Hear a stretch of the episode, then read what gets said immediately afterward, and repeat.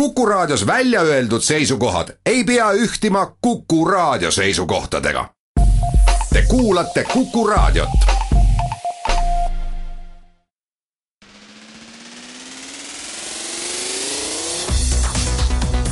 muuli ja Samost. muuli ja Samost. tere, head pühapäeva kõigile, alustame saadet Muuli ja Samost. stuudios on Anvar Samost ja Kalle Muuli ja räägime tänases saates äh, NATO tippkohtumisel kinnitatud otsustest, räägime äh, mitme nurga alt äh, riigi haldamisest, nii Maanteeameti büroodest, ähm, riigi äriühingutest, firmaautodest, tervishoiu rahastamisest ja veel veel muudest sarnastest äh, küsimustest, mis kõik naljakal kombel sellesse nädalasse on, on koondunud, räägime ettevõtlusministri kui sellise, kui institutsiooni vajalikkusest ja äh, saate lõpuks ka järjekordsest Riigikogust lahkunud äh, rahvasaadikust. muuli ja Samost.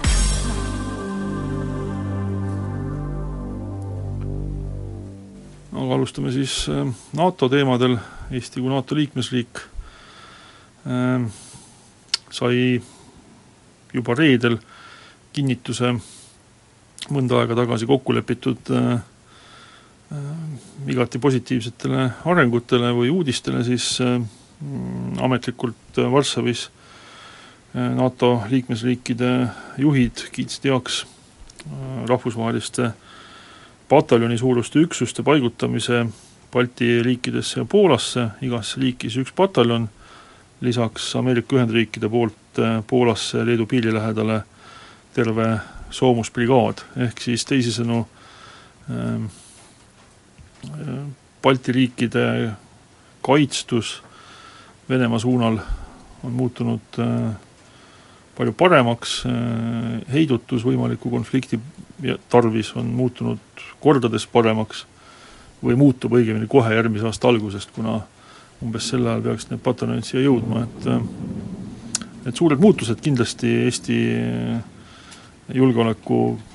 vaatenurgast, midagi ei ole öelda. noh, see pataljon on selline üksus, et sellega ilmselt sõda ei võida, aga lahingut võib pidada, et kui sa räägid siin heidutusest või, või kaitsest, et siis äh, äh, muutus ei ole sõjalises mõttes väga oluline, et ilmselt kui, kui sõjaks läheks, et sellest pataljonist oleks ehk natuke abi, aga, aga, aga mitte väga palju, aga, aga põhiline on ikkagi see, et et äh, kui Venemaa tahaks rünnata, äh, siis ta peaks ründama mitte Eesti vägesid, Läti vägesid ega Leedu vägesid ainult, vaid peaks äh, ründama ka Ameerika Ühendriike Saksamaad, Kanadat, Suurbritanniat, võib-olla veel ja, ja mõne, mõne riigi väiksemaid üksuseid veel, mis siia paigutatakse, et äh, see on vastus sellele küsimusele, et kui, kui on pikka aega Eestiski kahtlevalt küsitud, et see NATO artikkel viis, et kus kõik lubavad appi tulla, kui kedagi rünnatakse, et aga kuidas see ikka on, et kas nad tulevad, kui asi tõsiseks läheb ja et kui kaua see otsustamine aega võtab ja, ja, ja kas tõesti Suurbritannia rahvas hakkab saatma oma, oma poegi surema kuskile Balti riikidesse, taevas teab, mingi, mingile tundmatusse, mida ei leia kaardi pealt üleski, võib-olla Ameerika Ühendriikide eh, tublid kodanikud. et siis tegelikult nüüd see küsimus on nagu, nagu ära vastatud, et need äh, väed on siin olemas, neid ei ole vaja saata ja, ja kui Venemaa tahab rünnata, siis ta ründabki neid vägesid kohe ja, ja otsus saab siis olla ainult neid toetada, et vaevalt küll omasid kuhugi Narva alla kaevikusse surema jäetakse. aga et, et selles mõttes on see hästi oluline otsus ja ma arvan, et see on noh, siin on vist Eesti kaitseminist-, minister on ütelnud, et see on peaaegu sama oluline otsus kui, kui Eesti astumine NATO-sse, et et noh, nii on raske võrrelda, aga see on, see on, see on tõesti ligilähedaselt sama tähtis otsus, et NATO on nüüd ikkagi füüsiliselt oma oma liha ja vere ja relvadega siin, siin kohal ja, ja kui läheb mingiks lahinguks, siis läheb lahinguks NATO vägedega ka sõna otseses mõttes. et heidutuse jõud on tugev, samas see jutt, et et küll see on nüüd ohtlik Venemaale, et ega ta sõjalises mõttes ei kujuta ennast, endast mingit ründejõudu ja ja need väeosad, mis siia on paigutatud, ei ole kindlasti noh, või, võimelised edukalt ründama Peterburi või, või isegi Pihkvat, kus on, on palju suuremad väeosad ees ootamas. me veel päris täpselt muidugi ei tea, et mis tüüpi väeosad siia paigutatakse, et teada on, mis no on, on kirjeldatud, et motoriseeritud jalaväge, et, et natukene jalaväge ja mõni tank juures, noh. Jah, et täpselt ei tea seda, et loodetavasti siis need üksused on kokku lepitud sellisel viisil, et nad täiendavad Eesti oma noh, või siis Läti, Leedu või, või Poola kaitsejõudude selliseid äh, suuremaid puudujääke. aga noh, mis on võib-olla veel oluline ära mainida, et, et kui me vaatame, et jällegi, nagu eelmises saates siin korra juttu oli, et mis riikides siis need sõjaväelased ja väeosad Eestisse, Lätti, Leetu ja Poola jõuavad, siis need on äh, Briti äh, Eh, Kanada, Ameerika Ühendriikide ja Saksamaa väed, ehk siis kui me vaatame näiteks Eestit ja Eestist ka veel Prantsusmaa üksus, kui ma õigesti aru saan, et Eestis hakkab siis püsivalt paiknema eh, vähemalt ühe eh, tuumariigi ja ühe ÜRO Julgeolekunõukogu, jul-, Julgeolekunõukokku kuuluva riigi üksus ja noh, Prantsusmaa näol on meil siis teine samasugune, kuigi see on see roteeruv osa, kui ma õigesti mõistan, ehk siis kahe tuumariigi üksused Eesti pinnal Ehm, ma arvan, et see on heidutuseks igati piisav, kuna nagu me näeme siit viimase aasta või viimase kahe aasta sees tehtud avaldustest, siis Venemaa mõtleb nendes kategooriates, et nii, nii kole kui see ka tegelikult ei ole, et et selles mõttes see on kindlasti mõnevõrra erinev sellest, kui siin oleks lihtsalt mingisugune, ma ei tea, taanlaste või või, või hispaanlaste pataljon, eks. Venemaale on see kindlasti väga ärritav. et selge see, et seal on äh, sõjaväelasi, kes saavad väga hästi aru, et äh, suurt sõjalist jõudu see kõik ei kujuta endast ja, ja mingit ohtu ta Venemaal ei kujuta. aga seda maalitakse väga suure ohuna, sest, äh, sest see on ikkagi äärmiselt ärritav, et nendes riikides, mida Venemaa peab enda mõjusfääriks, oma, mäletad, kunagi oli lähi, lähivälismaa ja ma arvan, et see oli vist Karaganovi doktriin, kus selline mõiste äh, kasutusele võeti ja lähismaa, lähivälismaa hõlvamine ja muud sellised asjad. et need riigid, mis oli endine Nõukogude Liit, endine Vene impeerium eh, ja ja, ja mida ta siiamaani peab enda, enda selliseks eh, mõjusfääriks, et nendes riikides lehvivad eh, Ameerika, Saksa, Kanada, Suurbritannia lipud füüsiliselt on kohal nende, nende riikide esindajad, et see on, see on see, mis on see Äh, ärritav äh,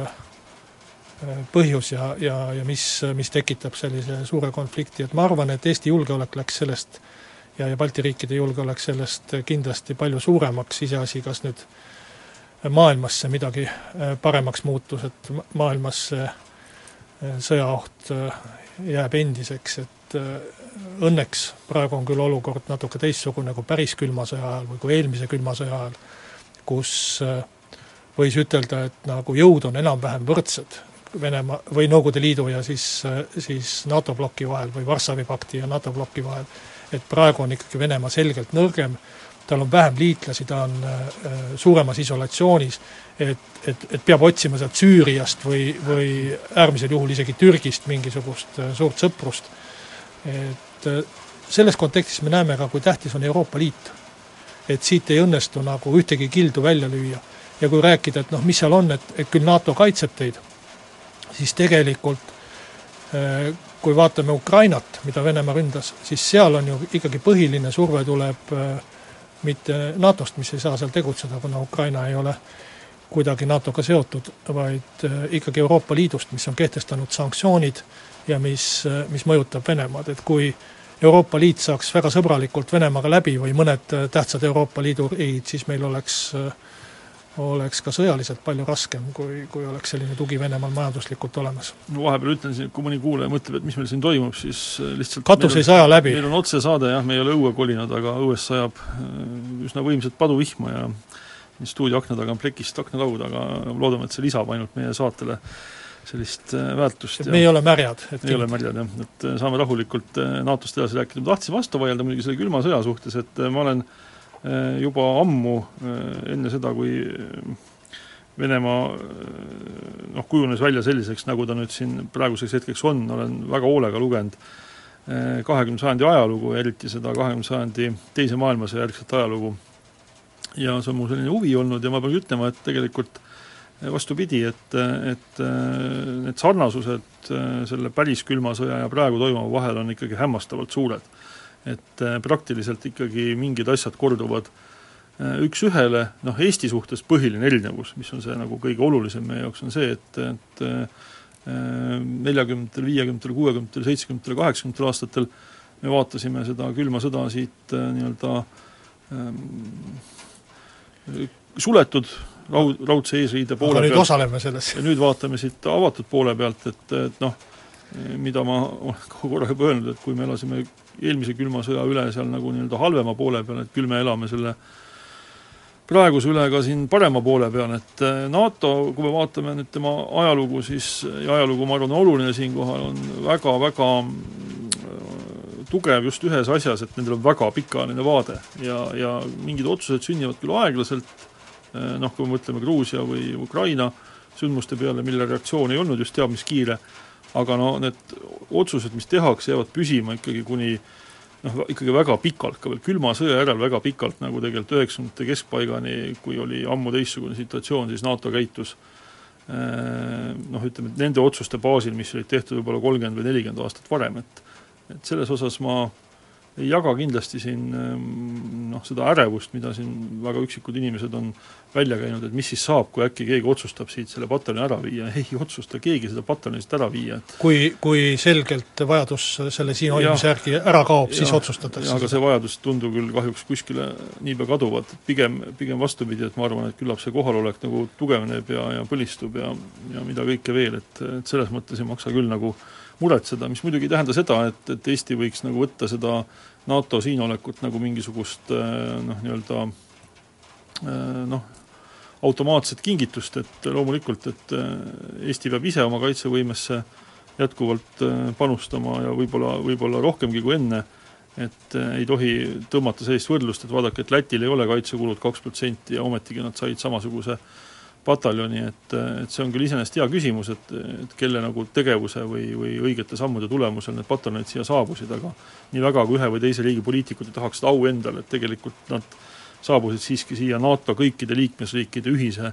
otsuse alusel. Ja see on see, mis tegelikult ongi selle asja juures oluline, kuna see on nii suure konsensuse baasil tehtud otsus, siis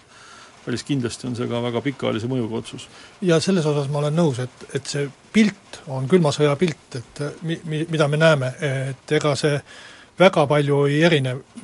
noh, režiim võib-olla oli natukene teistsugune ja, ja teistsuguse ideoloogiaga, aga aga ma tahtsin seda erinevust rõhutada just sõjalisest aspektist, et jõudude vahekord on teine. tol ajal võis rääkida mingisugusest sellest, et Nõukogude Liit oli sõjaliselt väga võimas või, või mis iganes et äh, praegu ikkagi on NATO selgelt tugevam ja selles mõttes äh, no ükskõik, mis asju seal näitajaid hakkad võrdlema. et tol ajal ikkagi ulatus äh, Nõukogude Liidu piir piltlikult öeldes Berliinini ja Berliin oli nii-öelda naš või meie või, või mis iganes, et praegu on see hoopis teises kohas ja, ja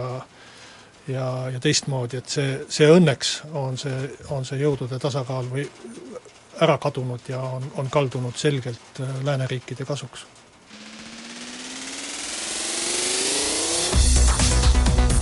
Muuli ja Samost. muuli ja Samost. jätkame saadet äh, Maanteeameti poolt äh, üllitatud äh, teatega siis selle kohta, et kärbitakse oluliselt maantee, arkibüroode tööaega erinevates kohtades, aga seitsmeteistkümnest büroost, mis alles on ühtegi iseenesest ei suleta, need jäävad alles nendesse kohtadesse, kus nad siiamaani on, aga küll äh, väheneb oluliselt äh, teenuste osutamine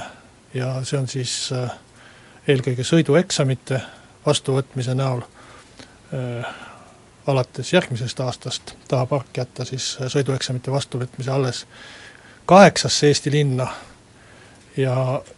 alates kahe tuhande kaheksateistkümnendast aastast, ehk siis Eesti Vabariigi sünnipäeva sajandat tähend-, tahab siis Maanteeamet tähistada sellega, et äh, sõidueksameid saab Eestis teha kuues linnas, ma igaks juhuks äh, loen need ette ka, see on siis Tallinn, Tartu, Pärnu, Rakvere, on mandri peal ja, ja Kuressaare ja Kärdla siis geograafilistel põhjustel, et inimesed ei peaks üle mere siis sõitma või siis mis iganes asju tegema, lendama.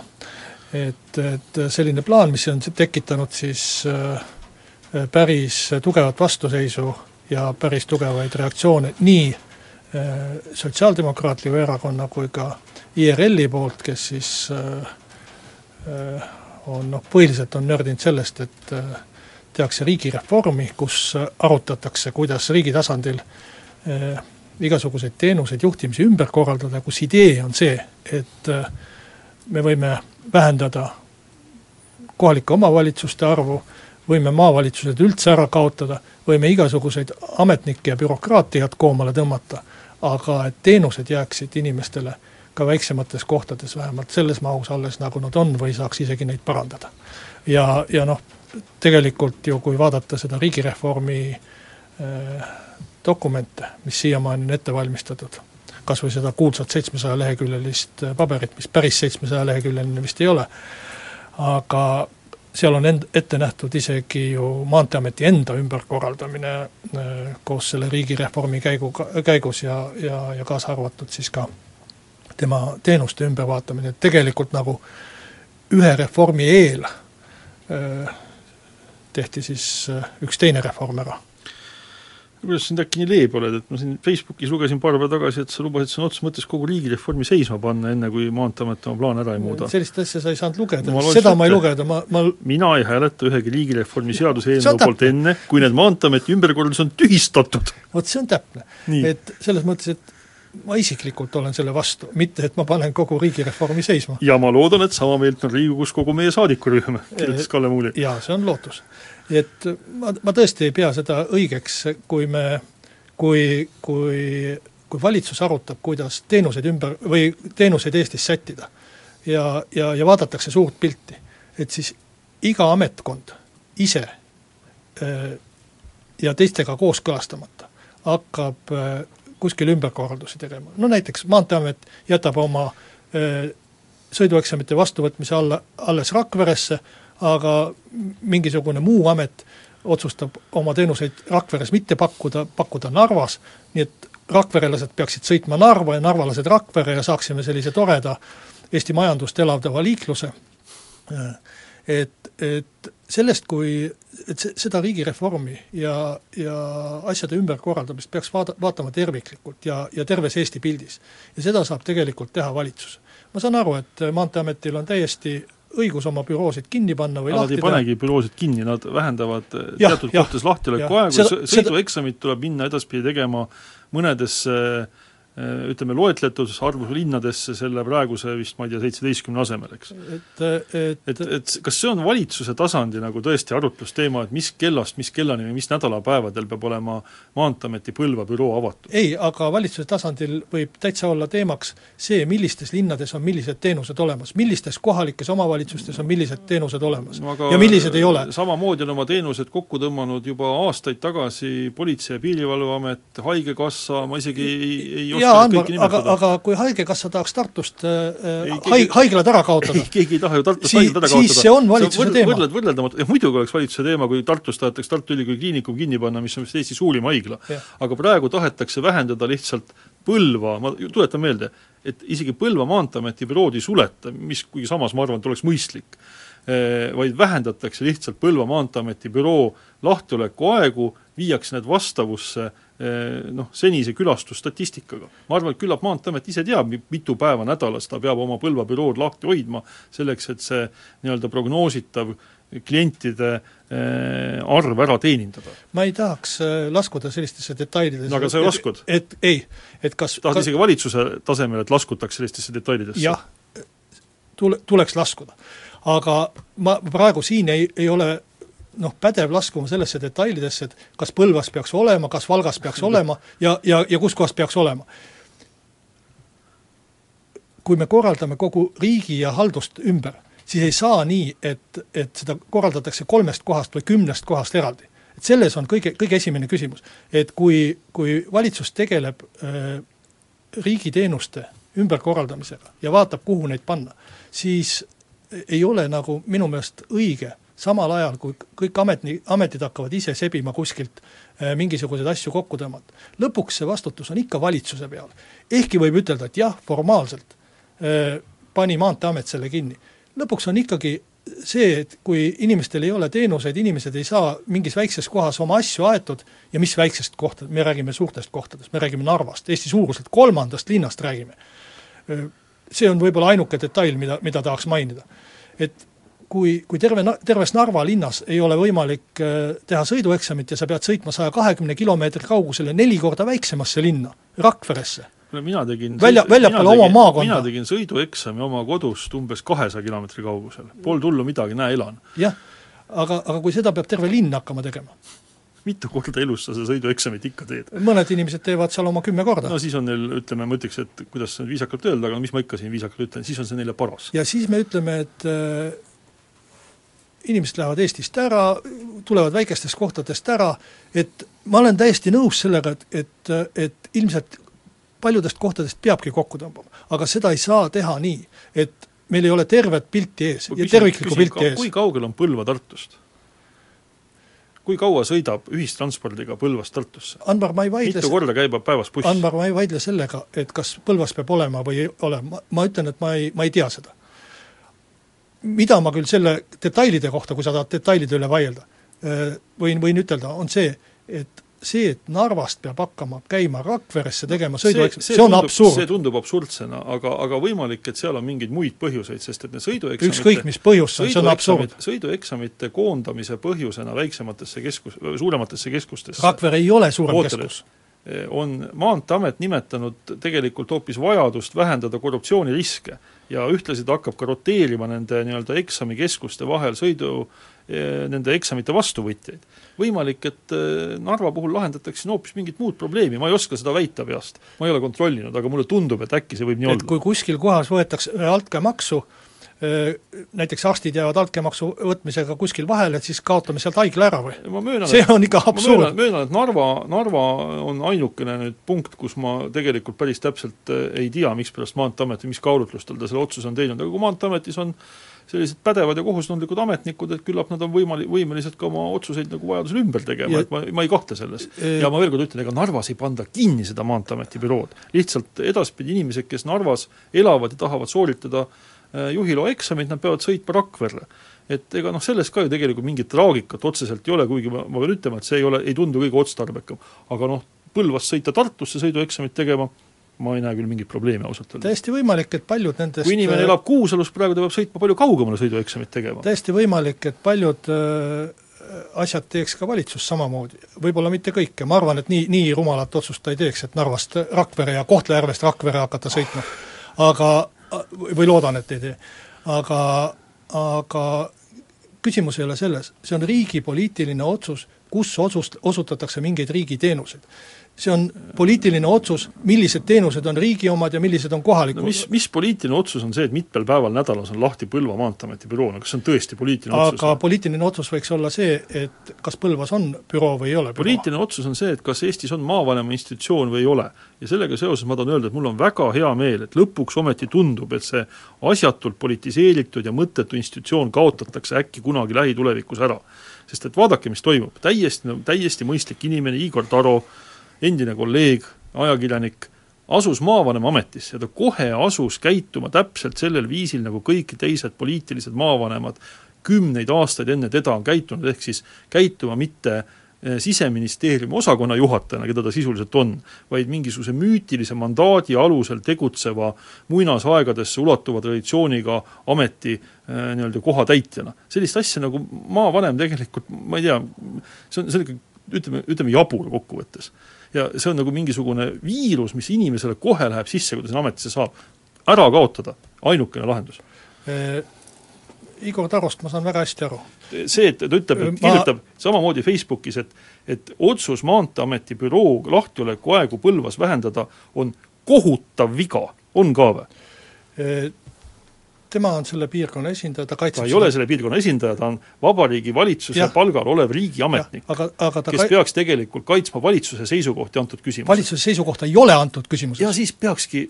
hoidma nagu stabiilset ja rahulikku joont, mitte hakkama lihtsalt karjuma ta ei, ta ei ole seal Maanteeameti esindaja. Ja, ja ta on valitsuse esindaja ja valitsuses ei ole sellist asja arutatud ja kui sa tähele paned, siis kaks valitsus ei peagi arutama seda, mis, mis kellast mis kellani on mingi Maanteeameti büroo lahti kuskil. aga ka kaks valitsuserakonda on väga rahulolematud sellega, et, et selja, selja taga korraldatakse midagi vähemalt, ümber. vähemasti ühe valitsuserakonna rahulolematus on kantud hoopis ühest teisest teemast, mida me siin varsti arutama hakkame ja aga, aga, aga nii on jah, aga mina saan äh, nendest maavanematest, kes peavad riigi nimel seal äh, selgitama asju, väga hästi aru. aga nad ei selgita ju riigi nimel midagi, nad pigem võitlevad riigi otsustele vastu. ja, ja ta selgitabki, et, et valitsus ei ole sellist jama kokku keeranud, et see on, see on valitsuse selja taga tehtud. et äh, ta-, tajun seda, seda väikelinnade probleemi omal nahal peaaegu iga nädal. sellepärast, et, et äh, mu üheksakümne aastane ema elab Valgas ja, ja äh, Äh, kuidas, kuidas see linn on nagu, nagu ära tühjendatud kõikidest asjadest, mis inimestele vajalikud on. et kui sul is-, isegi terves Valga linnas ei ole ühtegi kõrvaarsti ja üheksakümneaastane inimene, kellel võib kuulmisega probleeme tekkida, peab iga kord, kui ta kõrvaarsti juurde tahab minna, sõitma Tartusse, et e, Maarja mõisa haiglasse, et see on, see on talle noh, peaaegu et selline elu ja surma küsimus, see teekond ette võtta, kui sa nii vana oled ja, ja, ja siis, kui ma sõidan siit Tallinnast Valka, võtan ema peale, sõidutan ta Tartusse, Tartu, Tartust uuesti Valka tagasi ja sõidan ise Tallinnasse, siis ma mõtlen Eesti riigi peale, et kas see on nagu, nagu mõistlik riik või ei ole see no, mõistlik riik. see on nüüd hoopis teine teema, ma arvan, et see on teema, mis on meil olnud laua peal siin tegelikult pikka aega ja see noh, tegelikult ma saan aru, et, et ei ole südameoperatsiooni mõistlik teha rohkemates on, kohtades kui ühes või kahes kohas Eestis. see on küsimus arstiabi kättesaadavusest, aga arstiabi kättesaadavus ei ole ainult see, kas igas linnas või asulas on kõrvaarst, kurguarst ja ma ei tea, mis arst, eks ju, vaid sellest, et riik võiks kuidagi korraldada nende inimeste, kes ise ei ole nii liikuvad varem sõitis vähemalt Tartust kohale ja, ja võttis vastu. või arstide transporti ja, nendesse ja. kohtadesse. aga, aga aga see ei ole Maanteeameti büroo. sõidu, sõidueksamit teevad tavaliselt noored inimesed, kes saavad suurepäraselt viiekümne kilomeetri kaugusele ise sõita. saja kahekümne kilomeetri kaugusele ja bussiga ja teha sel-, seejuures teha seejuures eksamit, nüüd lähen küll detaili jälle, mida ma lubasin mitte teha, teha seejuures väiksemas linnas, kus sa ei hakka elus sõitma. Ja, ja tegelikult peaksid sõitma palju suuremas linnas et ma ei tea, kas see on ikkagi väga kvaliteetne ja kui räägitakse koondamisest suurematesse keskusesse, siis ärge rääkige Rakverest kui suuremast keskusest, et Rakvere on Kohtla-Järve ja Narvaga võrreldes väga väike keskus.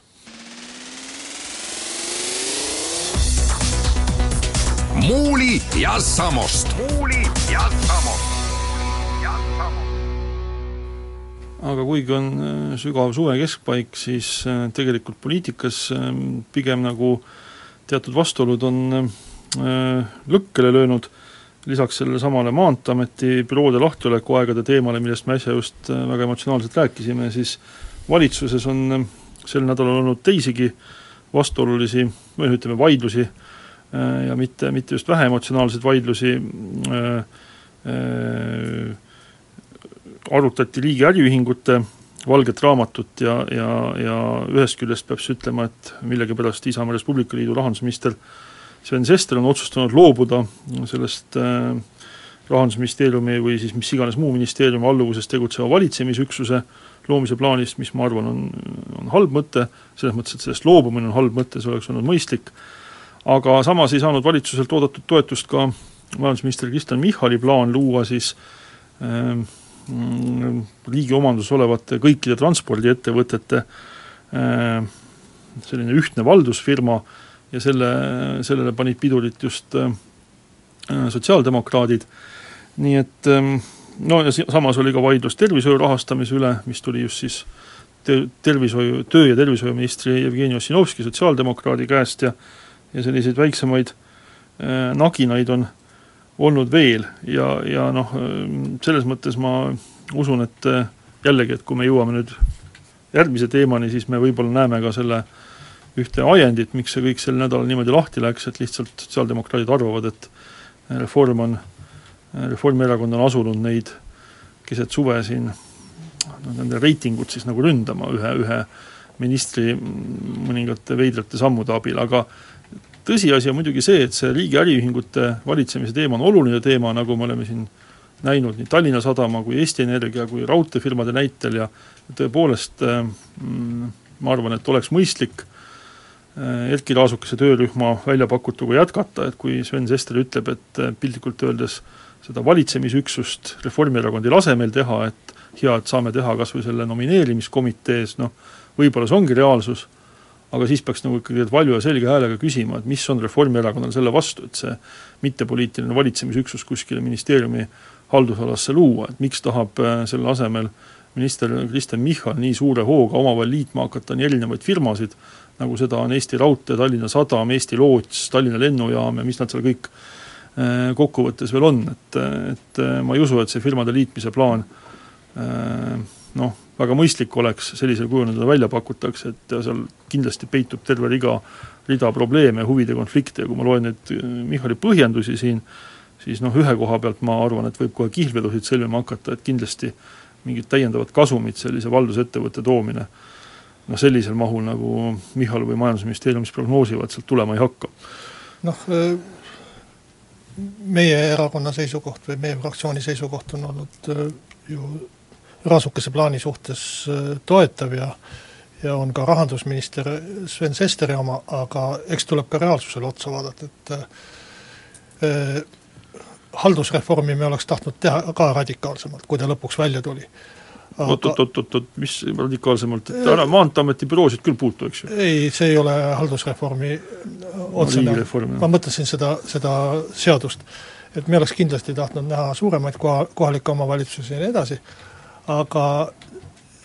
kui sul on neliteist häält Riigikogus, siis sa saad teha ikkagi neid asju, mille, mille taga on viiskümmend üks häält või rohkem häält, et, et selles mõttes peab valitsuse juhtiva erakonnaga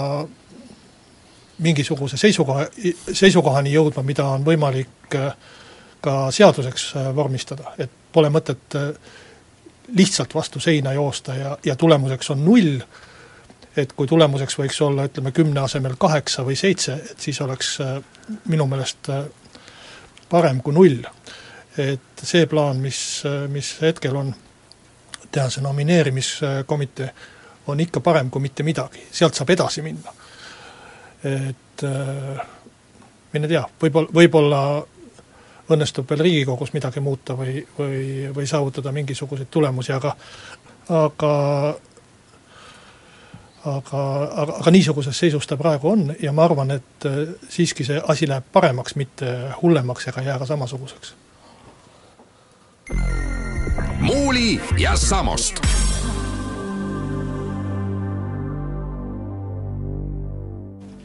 aga nüüd siis ka selle valitsuses äh, uuesti puhkenud äh, vaidluste tõenäolise ajendi juurde, et milleks on siis sel nädalal Eesti Ekspressis ilmunud pikemat sorti kirjutis ettevõtlusminister Liisa Oviiri, ma pean ennast kogu aeg niimoodi kontrollima, et ma ütleks kogemata Siiri Oviir, kes ei puutu üldse kuidagi asjasse, Liisa Oviiri äh, tegevusest oma ametiaja jooksul ja kui seda kirjutist lugeda, siis Äh, noh, ütleme kokkuvõte on see, et tegemist on täiesti mõttetu ministriga, äh, kes on käinud paljudel samamoodi mõttetutel välisreisidel, kus ta on pidanud keskmiselt selliseid kolme minuti pikkuseid kõnesid ja lisaks kogu selle reisimise tulemusel on lõhki kulutatud ja mitmekordselt lõhki minemas Majandus- ja Kommunikatsiooniministeeriumi äh, väliskomandeeringute eelarve. Ja noh, ma saan aru, et sotsiaaldemokraatide hulgas valitseb veendumus, et, et see äh, lugu on kuidagi initsieeritud äh, Reformierakonna poolt, kas ta nii on, mina ei oska seda öelda, äh, samas ma saan aru, et noh, tegelikult see selline arutelu teemal, et millega ettevõtlusminister, uus ettevõtlusminister tegeleb, et see on ministeeriumi ametnike seas ja ka teiste ministeeriumide ametnike ning ka poliitikute seas käinud juba no ütleme, päris, päris palju kuid ja need nii-öelda äh, mitteavalikes vestlustes kõlanud äh, väited ei erine väga palju sellest, mis nüüd avalikult äh, Ekspressis ilmunud on. Ja huvitav on see, et kui me nüüd vaatame Sotsiaaldemokraatlikku Erakonda esindava ministri Liisa Oviiri reaktsiooni sellele Ekspressi kirjutisele, siis ega ta ju ei lükka seal tegelikult eriti midagi ümber, et ta tegelikult võtab omaks, et üks reis oli tõesti asjatu ja see oli nendest reisidest vist ka see kõige pikem ja kõige kallim, nii et mul on kõva tunne, et ka need teised reisid on olnud üsna, üsna samasugused, aga noh, selle asemel, et siin ühe inimese nii-öelda teemal arutada, tegelikult ma arvan, et mõistlik oleks arutada, kas mitte see vastutus sellise olukorra tekkimise eest ei, ei, ei lasu üldsegi mitte peaminister Taavi Rõivase õlgadel, suures osas vähemasti, kuna Taavi Rõivase eelmise valitsuse ajal see ministeeriumide mitme ministriga mehitamise praktika algas ja kui esimese, esimesel korral oli neid jagatud ministeeriume kaks, siis praegusel hetkel on neid juba kolm. ja noh, kui jätame kõrvale riigihalduse ministri ametikoha, mis on loodud spetsiaalselt ühe suure reformi ärategemiseks, mis ma arvan, on igati mõistlik siis need teised kaks ministeeriumi jagamist on tegelikult tehtud ikkagi ainult selleks, et valitsuskoalitsiooni partnerite vahel oleks mõni portfell enam, mida koalitsioonilepingu sõlmimisel ära jagada. jah, et äh, eelmise valitsuse ajal, kui olid sotsid ja Reform kahekesti valitsuses, need äh, mingil põhjusel tehti, no oli vaja kindlasti oli vaja mingis... ebakindlas olukorras sotsiaaldemokraadid valitsusse saada. jah, ja, ja, ja neid, neid ametikohti pakkuda, et äh, mina põhimõtteliselt ei pea ministrite arvu suurendamist äh, heaks. et see, et nüüd äh, riigireformi või haldusreformi jaoks sai minister tehtud, see tundub, algul mulle tundus ausalt öeldes seegi mõt-, suhteliselt nagu mõttetu ettevõtmine, aga nüüd tagantjärgi ma olen vaadanud, et see on päris päris asjakohane ja päris head äh, vilja kandnud, et see otsus on läinud asja ette, juhul kui ta ikkagi mingil hetkel see ametikoht ära likvideeritakse, kui, kui need reformid saavad tehtud selles ma väga kindel ei oleks. kui ma vaatan nüüd äh, Jevgeni Ossinovskit ja Margus Tsahknat äh, Sotsiaalministeeriumis kahekesti toimetavad, siis tegelikult nagu enam-vähem tööd neile jätkub, sealt tuleb seaduseelnõusid ja tuleb, tuleb reforme, et et seal, seal ma väga, väga nukker ei oleks, aga, aga tõesti, ettevõtlusministri kui nüüd vaadata ainult Riigikogus olles, mis ta on teinud, sest neid reise ma ei näe Riigikogust, nii et, nii et ta teeb all-linnast ära ja, ja Ülemiste lennuväljalt. aga Riigikogus ta põhiliselt on silma paistnud ühe eelnõuga, mis oli nüüd kevadel äh, lugemisel, see oli siis ette, ettevõtluspäeva muutmine lipupäevaks. ja mille, mille eelnõu sisu oli siis ministri töö põhiline, mis, mis mulle nagu Riigikogust meelde on jäänud, on siis see, et tulla Riigikogu ette ja räägitakse, et rääkida, et ettevõtluspäeval, mis on kuskil sügisel, vabandust, ma seda kuupäeva ei mäleta, eh, heisataks Eestis eh, riigilipud. ja, ja kaitsta seda umbes kaks või kolm tundi eh, Riigikogu saalis istuvate ettevõtjate noh, ütleme nördinud küsimuste äh, vastates üsna, üsna rumalalt äh, sellise rikkis grammofoniplaadina korrutades ja, ja viidates mingile koalitsioonileppele, kusjuures koalitsioonileppes ei ole kirjas, et peab lippu heiskama. no päev on kirjas muidugi. on, kirjas on lause, peast tsiteerin, aga, aga üsna täpselt, et tähistada, tähistada ettevõtluspäeva tähista, me tähistame ka õpetajate päeva, me tähistame ka äh, ma ei tea, kaevurite päeva ja kalurite päeva, ajakirjanduspäeva tähistame, et, et kõike saab tähistada ja õpetajate päeva tähistatakse suurejooneliselt pidulikult veel, Eesti Vabariigi aastapäeva tähistame. aga see ei tähenda veel, et peaks lippu heiskama. ja see on siis see, millega tuleb ettevõtlusminister ajal, kui ettevõtlus ei edene ega ei kasva. ma ei saa jätta muidugi märkimata, et ettevõtjate nii-öelda märgistamise ja nende olemasolu tähistamisega tegeleb palju tulemuslikumalt praegu tundub rahandusminister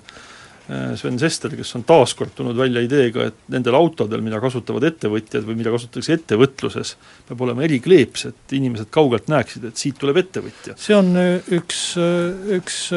väga paha mõte, ma olen rahandusministri aga ometi rahandusminister on tulnud sellega teist korda valitsuse nõupidamisele. ja, ja olen ka isiklikult rahandusministril palunud kaaluda võimalust see, see ära jätta selline, selline kleepsutamine. et siis lipupäeval võiks toimuda nende kleepsudega ettevõtjate autode paraad? jah, see muutub anekdoodiks, nagu omal ajal Oina märk või mis iganes äh, oli alkohoolikute autodel, ma ei tea, kas keegi mäletab nii vana aega et äh, minu pärast võiks riigireformi käigus rahulikult selle ettevõtlusministri ametikoha ära kaotada, Eesti riik ei kaotaks sellest mitte midagi. muuli ja Samost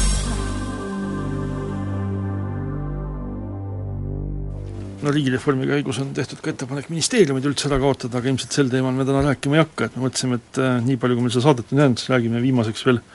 sellest, et äh, Riigikogust on taas lahkunud üks, üks liige ja, ja kuigi võib-olla tegemist ei olnud sama tuntud avaliku elu tegelasega nagu Mihkel Raud, siis äh, nii-öelda oma rolli poolest äh, poliitikas Reformierakonna endine peasekretär ja Reformierakonna fraktsiooni aseesimees Martin Kukk oli kindlasti veel äh, olulisem inimene, äh, kes nüüd sel nädalal oma Riigikogust lahkumisest teada andis ja, ja vägisi tekib nagu küsimus, et, et mis siis toimub, et kui nii mitmed inimesed on otsustanud pärast noh, enam-vähem ühte aastat Riigikogu koosseisus sealt ära minna, et ja ma saan aru, et ega see ei pruugi veel kõik olla tegelikult, et võib-olla näeme siin sügisel veel vähemalt ühe või võib-olla isegi kahe Riigikogu liikme lahkumist, et et mis see, mis see fenomen sealt Riigikogu seinte vahelt nagu paistab olevat? noh, kui võtame tavalise ettevõtja seisukohalt siis kaks protsenti kaadri voolavust mis, millest sa räägid, millest sa räägid? personalijuhi sõnastuses ja, on kes on, see Riigikogu personalijuht siis on nagu? on, on äh, väga väike, aga olgu see siis huumorina öeldud, et, et vähe on ettevõtjaid, kus nii vähe personal äh, vahetub, aga noh, tõsisemalt rääkides, siis äh, ma arvan, et see, et mõned Riigikogu liikmed lahkuvad, näitab esiteks seda, et või on seotud sellega, et nendel valimistel kaks tuhat viisteist tuli Riigikogusse väga palju inimesi, kes äh, on esimest ametiaega. ehk siis umbes pool Riigikogu koosseisust äh, vahetus ja need kindlasti, mõni neist tegi vale otsuse, valis vale ameti, vale, vale eli, elukutse ja leidis, et ta ei sobi sinna. ja, ja, ja nii ongi, et äh, eelmine nii suur perevahetus Riigikogus toimus aastal kaks tuhat kolm kui tuli, tuli palju uusi Riigikogu liikmeid ja siis oli täpselt samuti, et äh, esimese paari-kolme aasta jooksul läks Riigikogus terve hulk äh, sinna valitud äh, saadikuid minema, noh, omal vabal tahtel muule tööle, leides, et see Riigikogu töö neile ei sobi. Ja, ja see on täiesti arusaadav, et võib-olla, et väljaspool Riigikogu tõesti inimesed ei ei saa aru, et see on, ei ole mingisugune selline kõnede pidamise koht või, või selline nüüd lähen ja teen ja, ja, ja, ja otsustan, vaid see on seaduste tegemine, mis nõuab seda, et äh, sa leiad endale liitlased, kaaslased ja see kõik on väga aeganõudev ja ja tohutut kannatlikkust ja, ja noh, tundub, et sa ei näe oma töö vilju, muudkui teed ja teed ja teed ja teed ja ja nürilt ajad oma asja, aga jube raske on, et miski, miski õnnestuks. no vaevalt, Martin Kukel oli selline ekslik arusaam Riigikogu tööst, kuna tema oli poliitikas ikkagi päris pikalt olnud, mis siis, et, mis esimest... et mitte Riigikogus ja ta oli erakonna peasekretär olnud ja mitmeid valimiskampaaniaid teinud, küllap tal oli ikkagi enam-vähem õige ettekujutus, aga seal oli ikkagi selline täitevroll või, või, või selline mingisugune see on täiesti teistmoodi töö. aga, aga ühte asja ma tahaks võib-olla siingi öelda, et need prognoosid selle kohta, et et äh, Martin Kukke lahkumine kuidagi peegeldab mingit otsust, mis oleks nagu langenud Reformierakonnas erinevate leeride vahel nende presidendikandidaadi suhtes, kuna Martin Kukk on ka vist äh, Siim Kallase presidendikampaania eestvedaja kampaaniameeskonnas, et noh, see näitab ainult selle prognoosi tegija sellist nagu vähest informeeritust, kui, kui mitte enamat. sellega ma olen nõus, aga kindlasti ta on noh, natukene seotud ka presidendivalimistega sellega, et Reformierakonna sees on väga suur vastasseis Äh, kahe kandidaadi toetajate vahel noh, ütleme omavahelise konfliktiga või, või kuidas seda iganes nimetada. see muidugi, ma usun, et see vastasseis on pikem kui nende presidendivalimiste nii-öelda kui me vaatame nagu Martin Kuke rolli, siis see oli Reformierakonna fraktsioonis väga tähtis roll. et täna on Euroopa meistrivõistlused jalgpallis, et ma kasutaks sel juhul jalgpalliterminit ja ütlen, ütleks, et Martin Kukk oli äh, Reformierakonna keskvälja mootor. see, kes hoidis tegelikult nagu fraktsiooni asju ja ohje pihus et äh, ei teagi, kes äh, teda asendama hakkab, selles mõttes Peep Aru see kindlasti ei ole tema asendusliige, et, et tal oli, ma arvan, tähtsam roll kui fraktsiooni juhil tegelikult seal Reformierakonnas ja ja tema lahkumine ikkagi peegelda-, või noh, on, on noh, mingis mõttes löök Reformierakonna fraktsioonile, mitte ühele või teisele leerile, aga, aga tervikuna, et jah, aga noh, see on siis nüüd vastus neile, kes ütlevad, et Riigikogu liikmed ei saa väljaspool Riigikogu hakkama, et äh, vaatame, kuidas siis Mihkel Raud ja Martin Kukk toime tulevad. no ma usun, et tulevad toime. sellega tänaseks ka lõpetame, järgmine saade täpselt nädala pärast Kuku otse-eetris.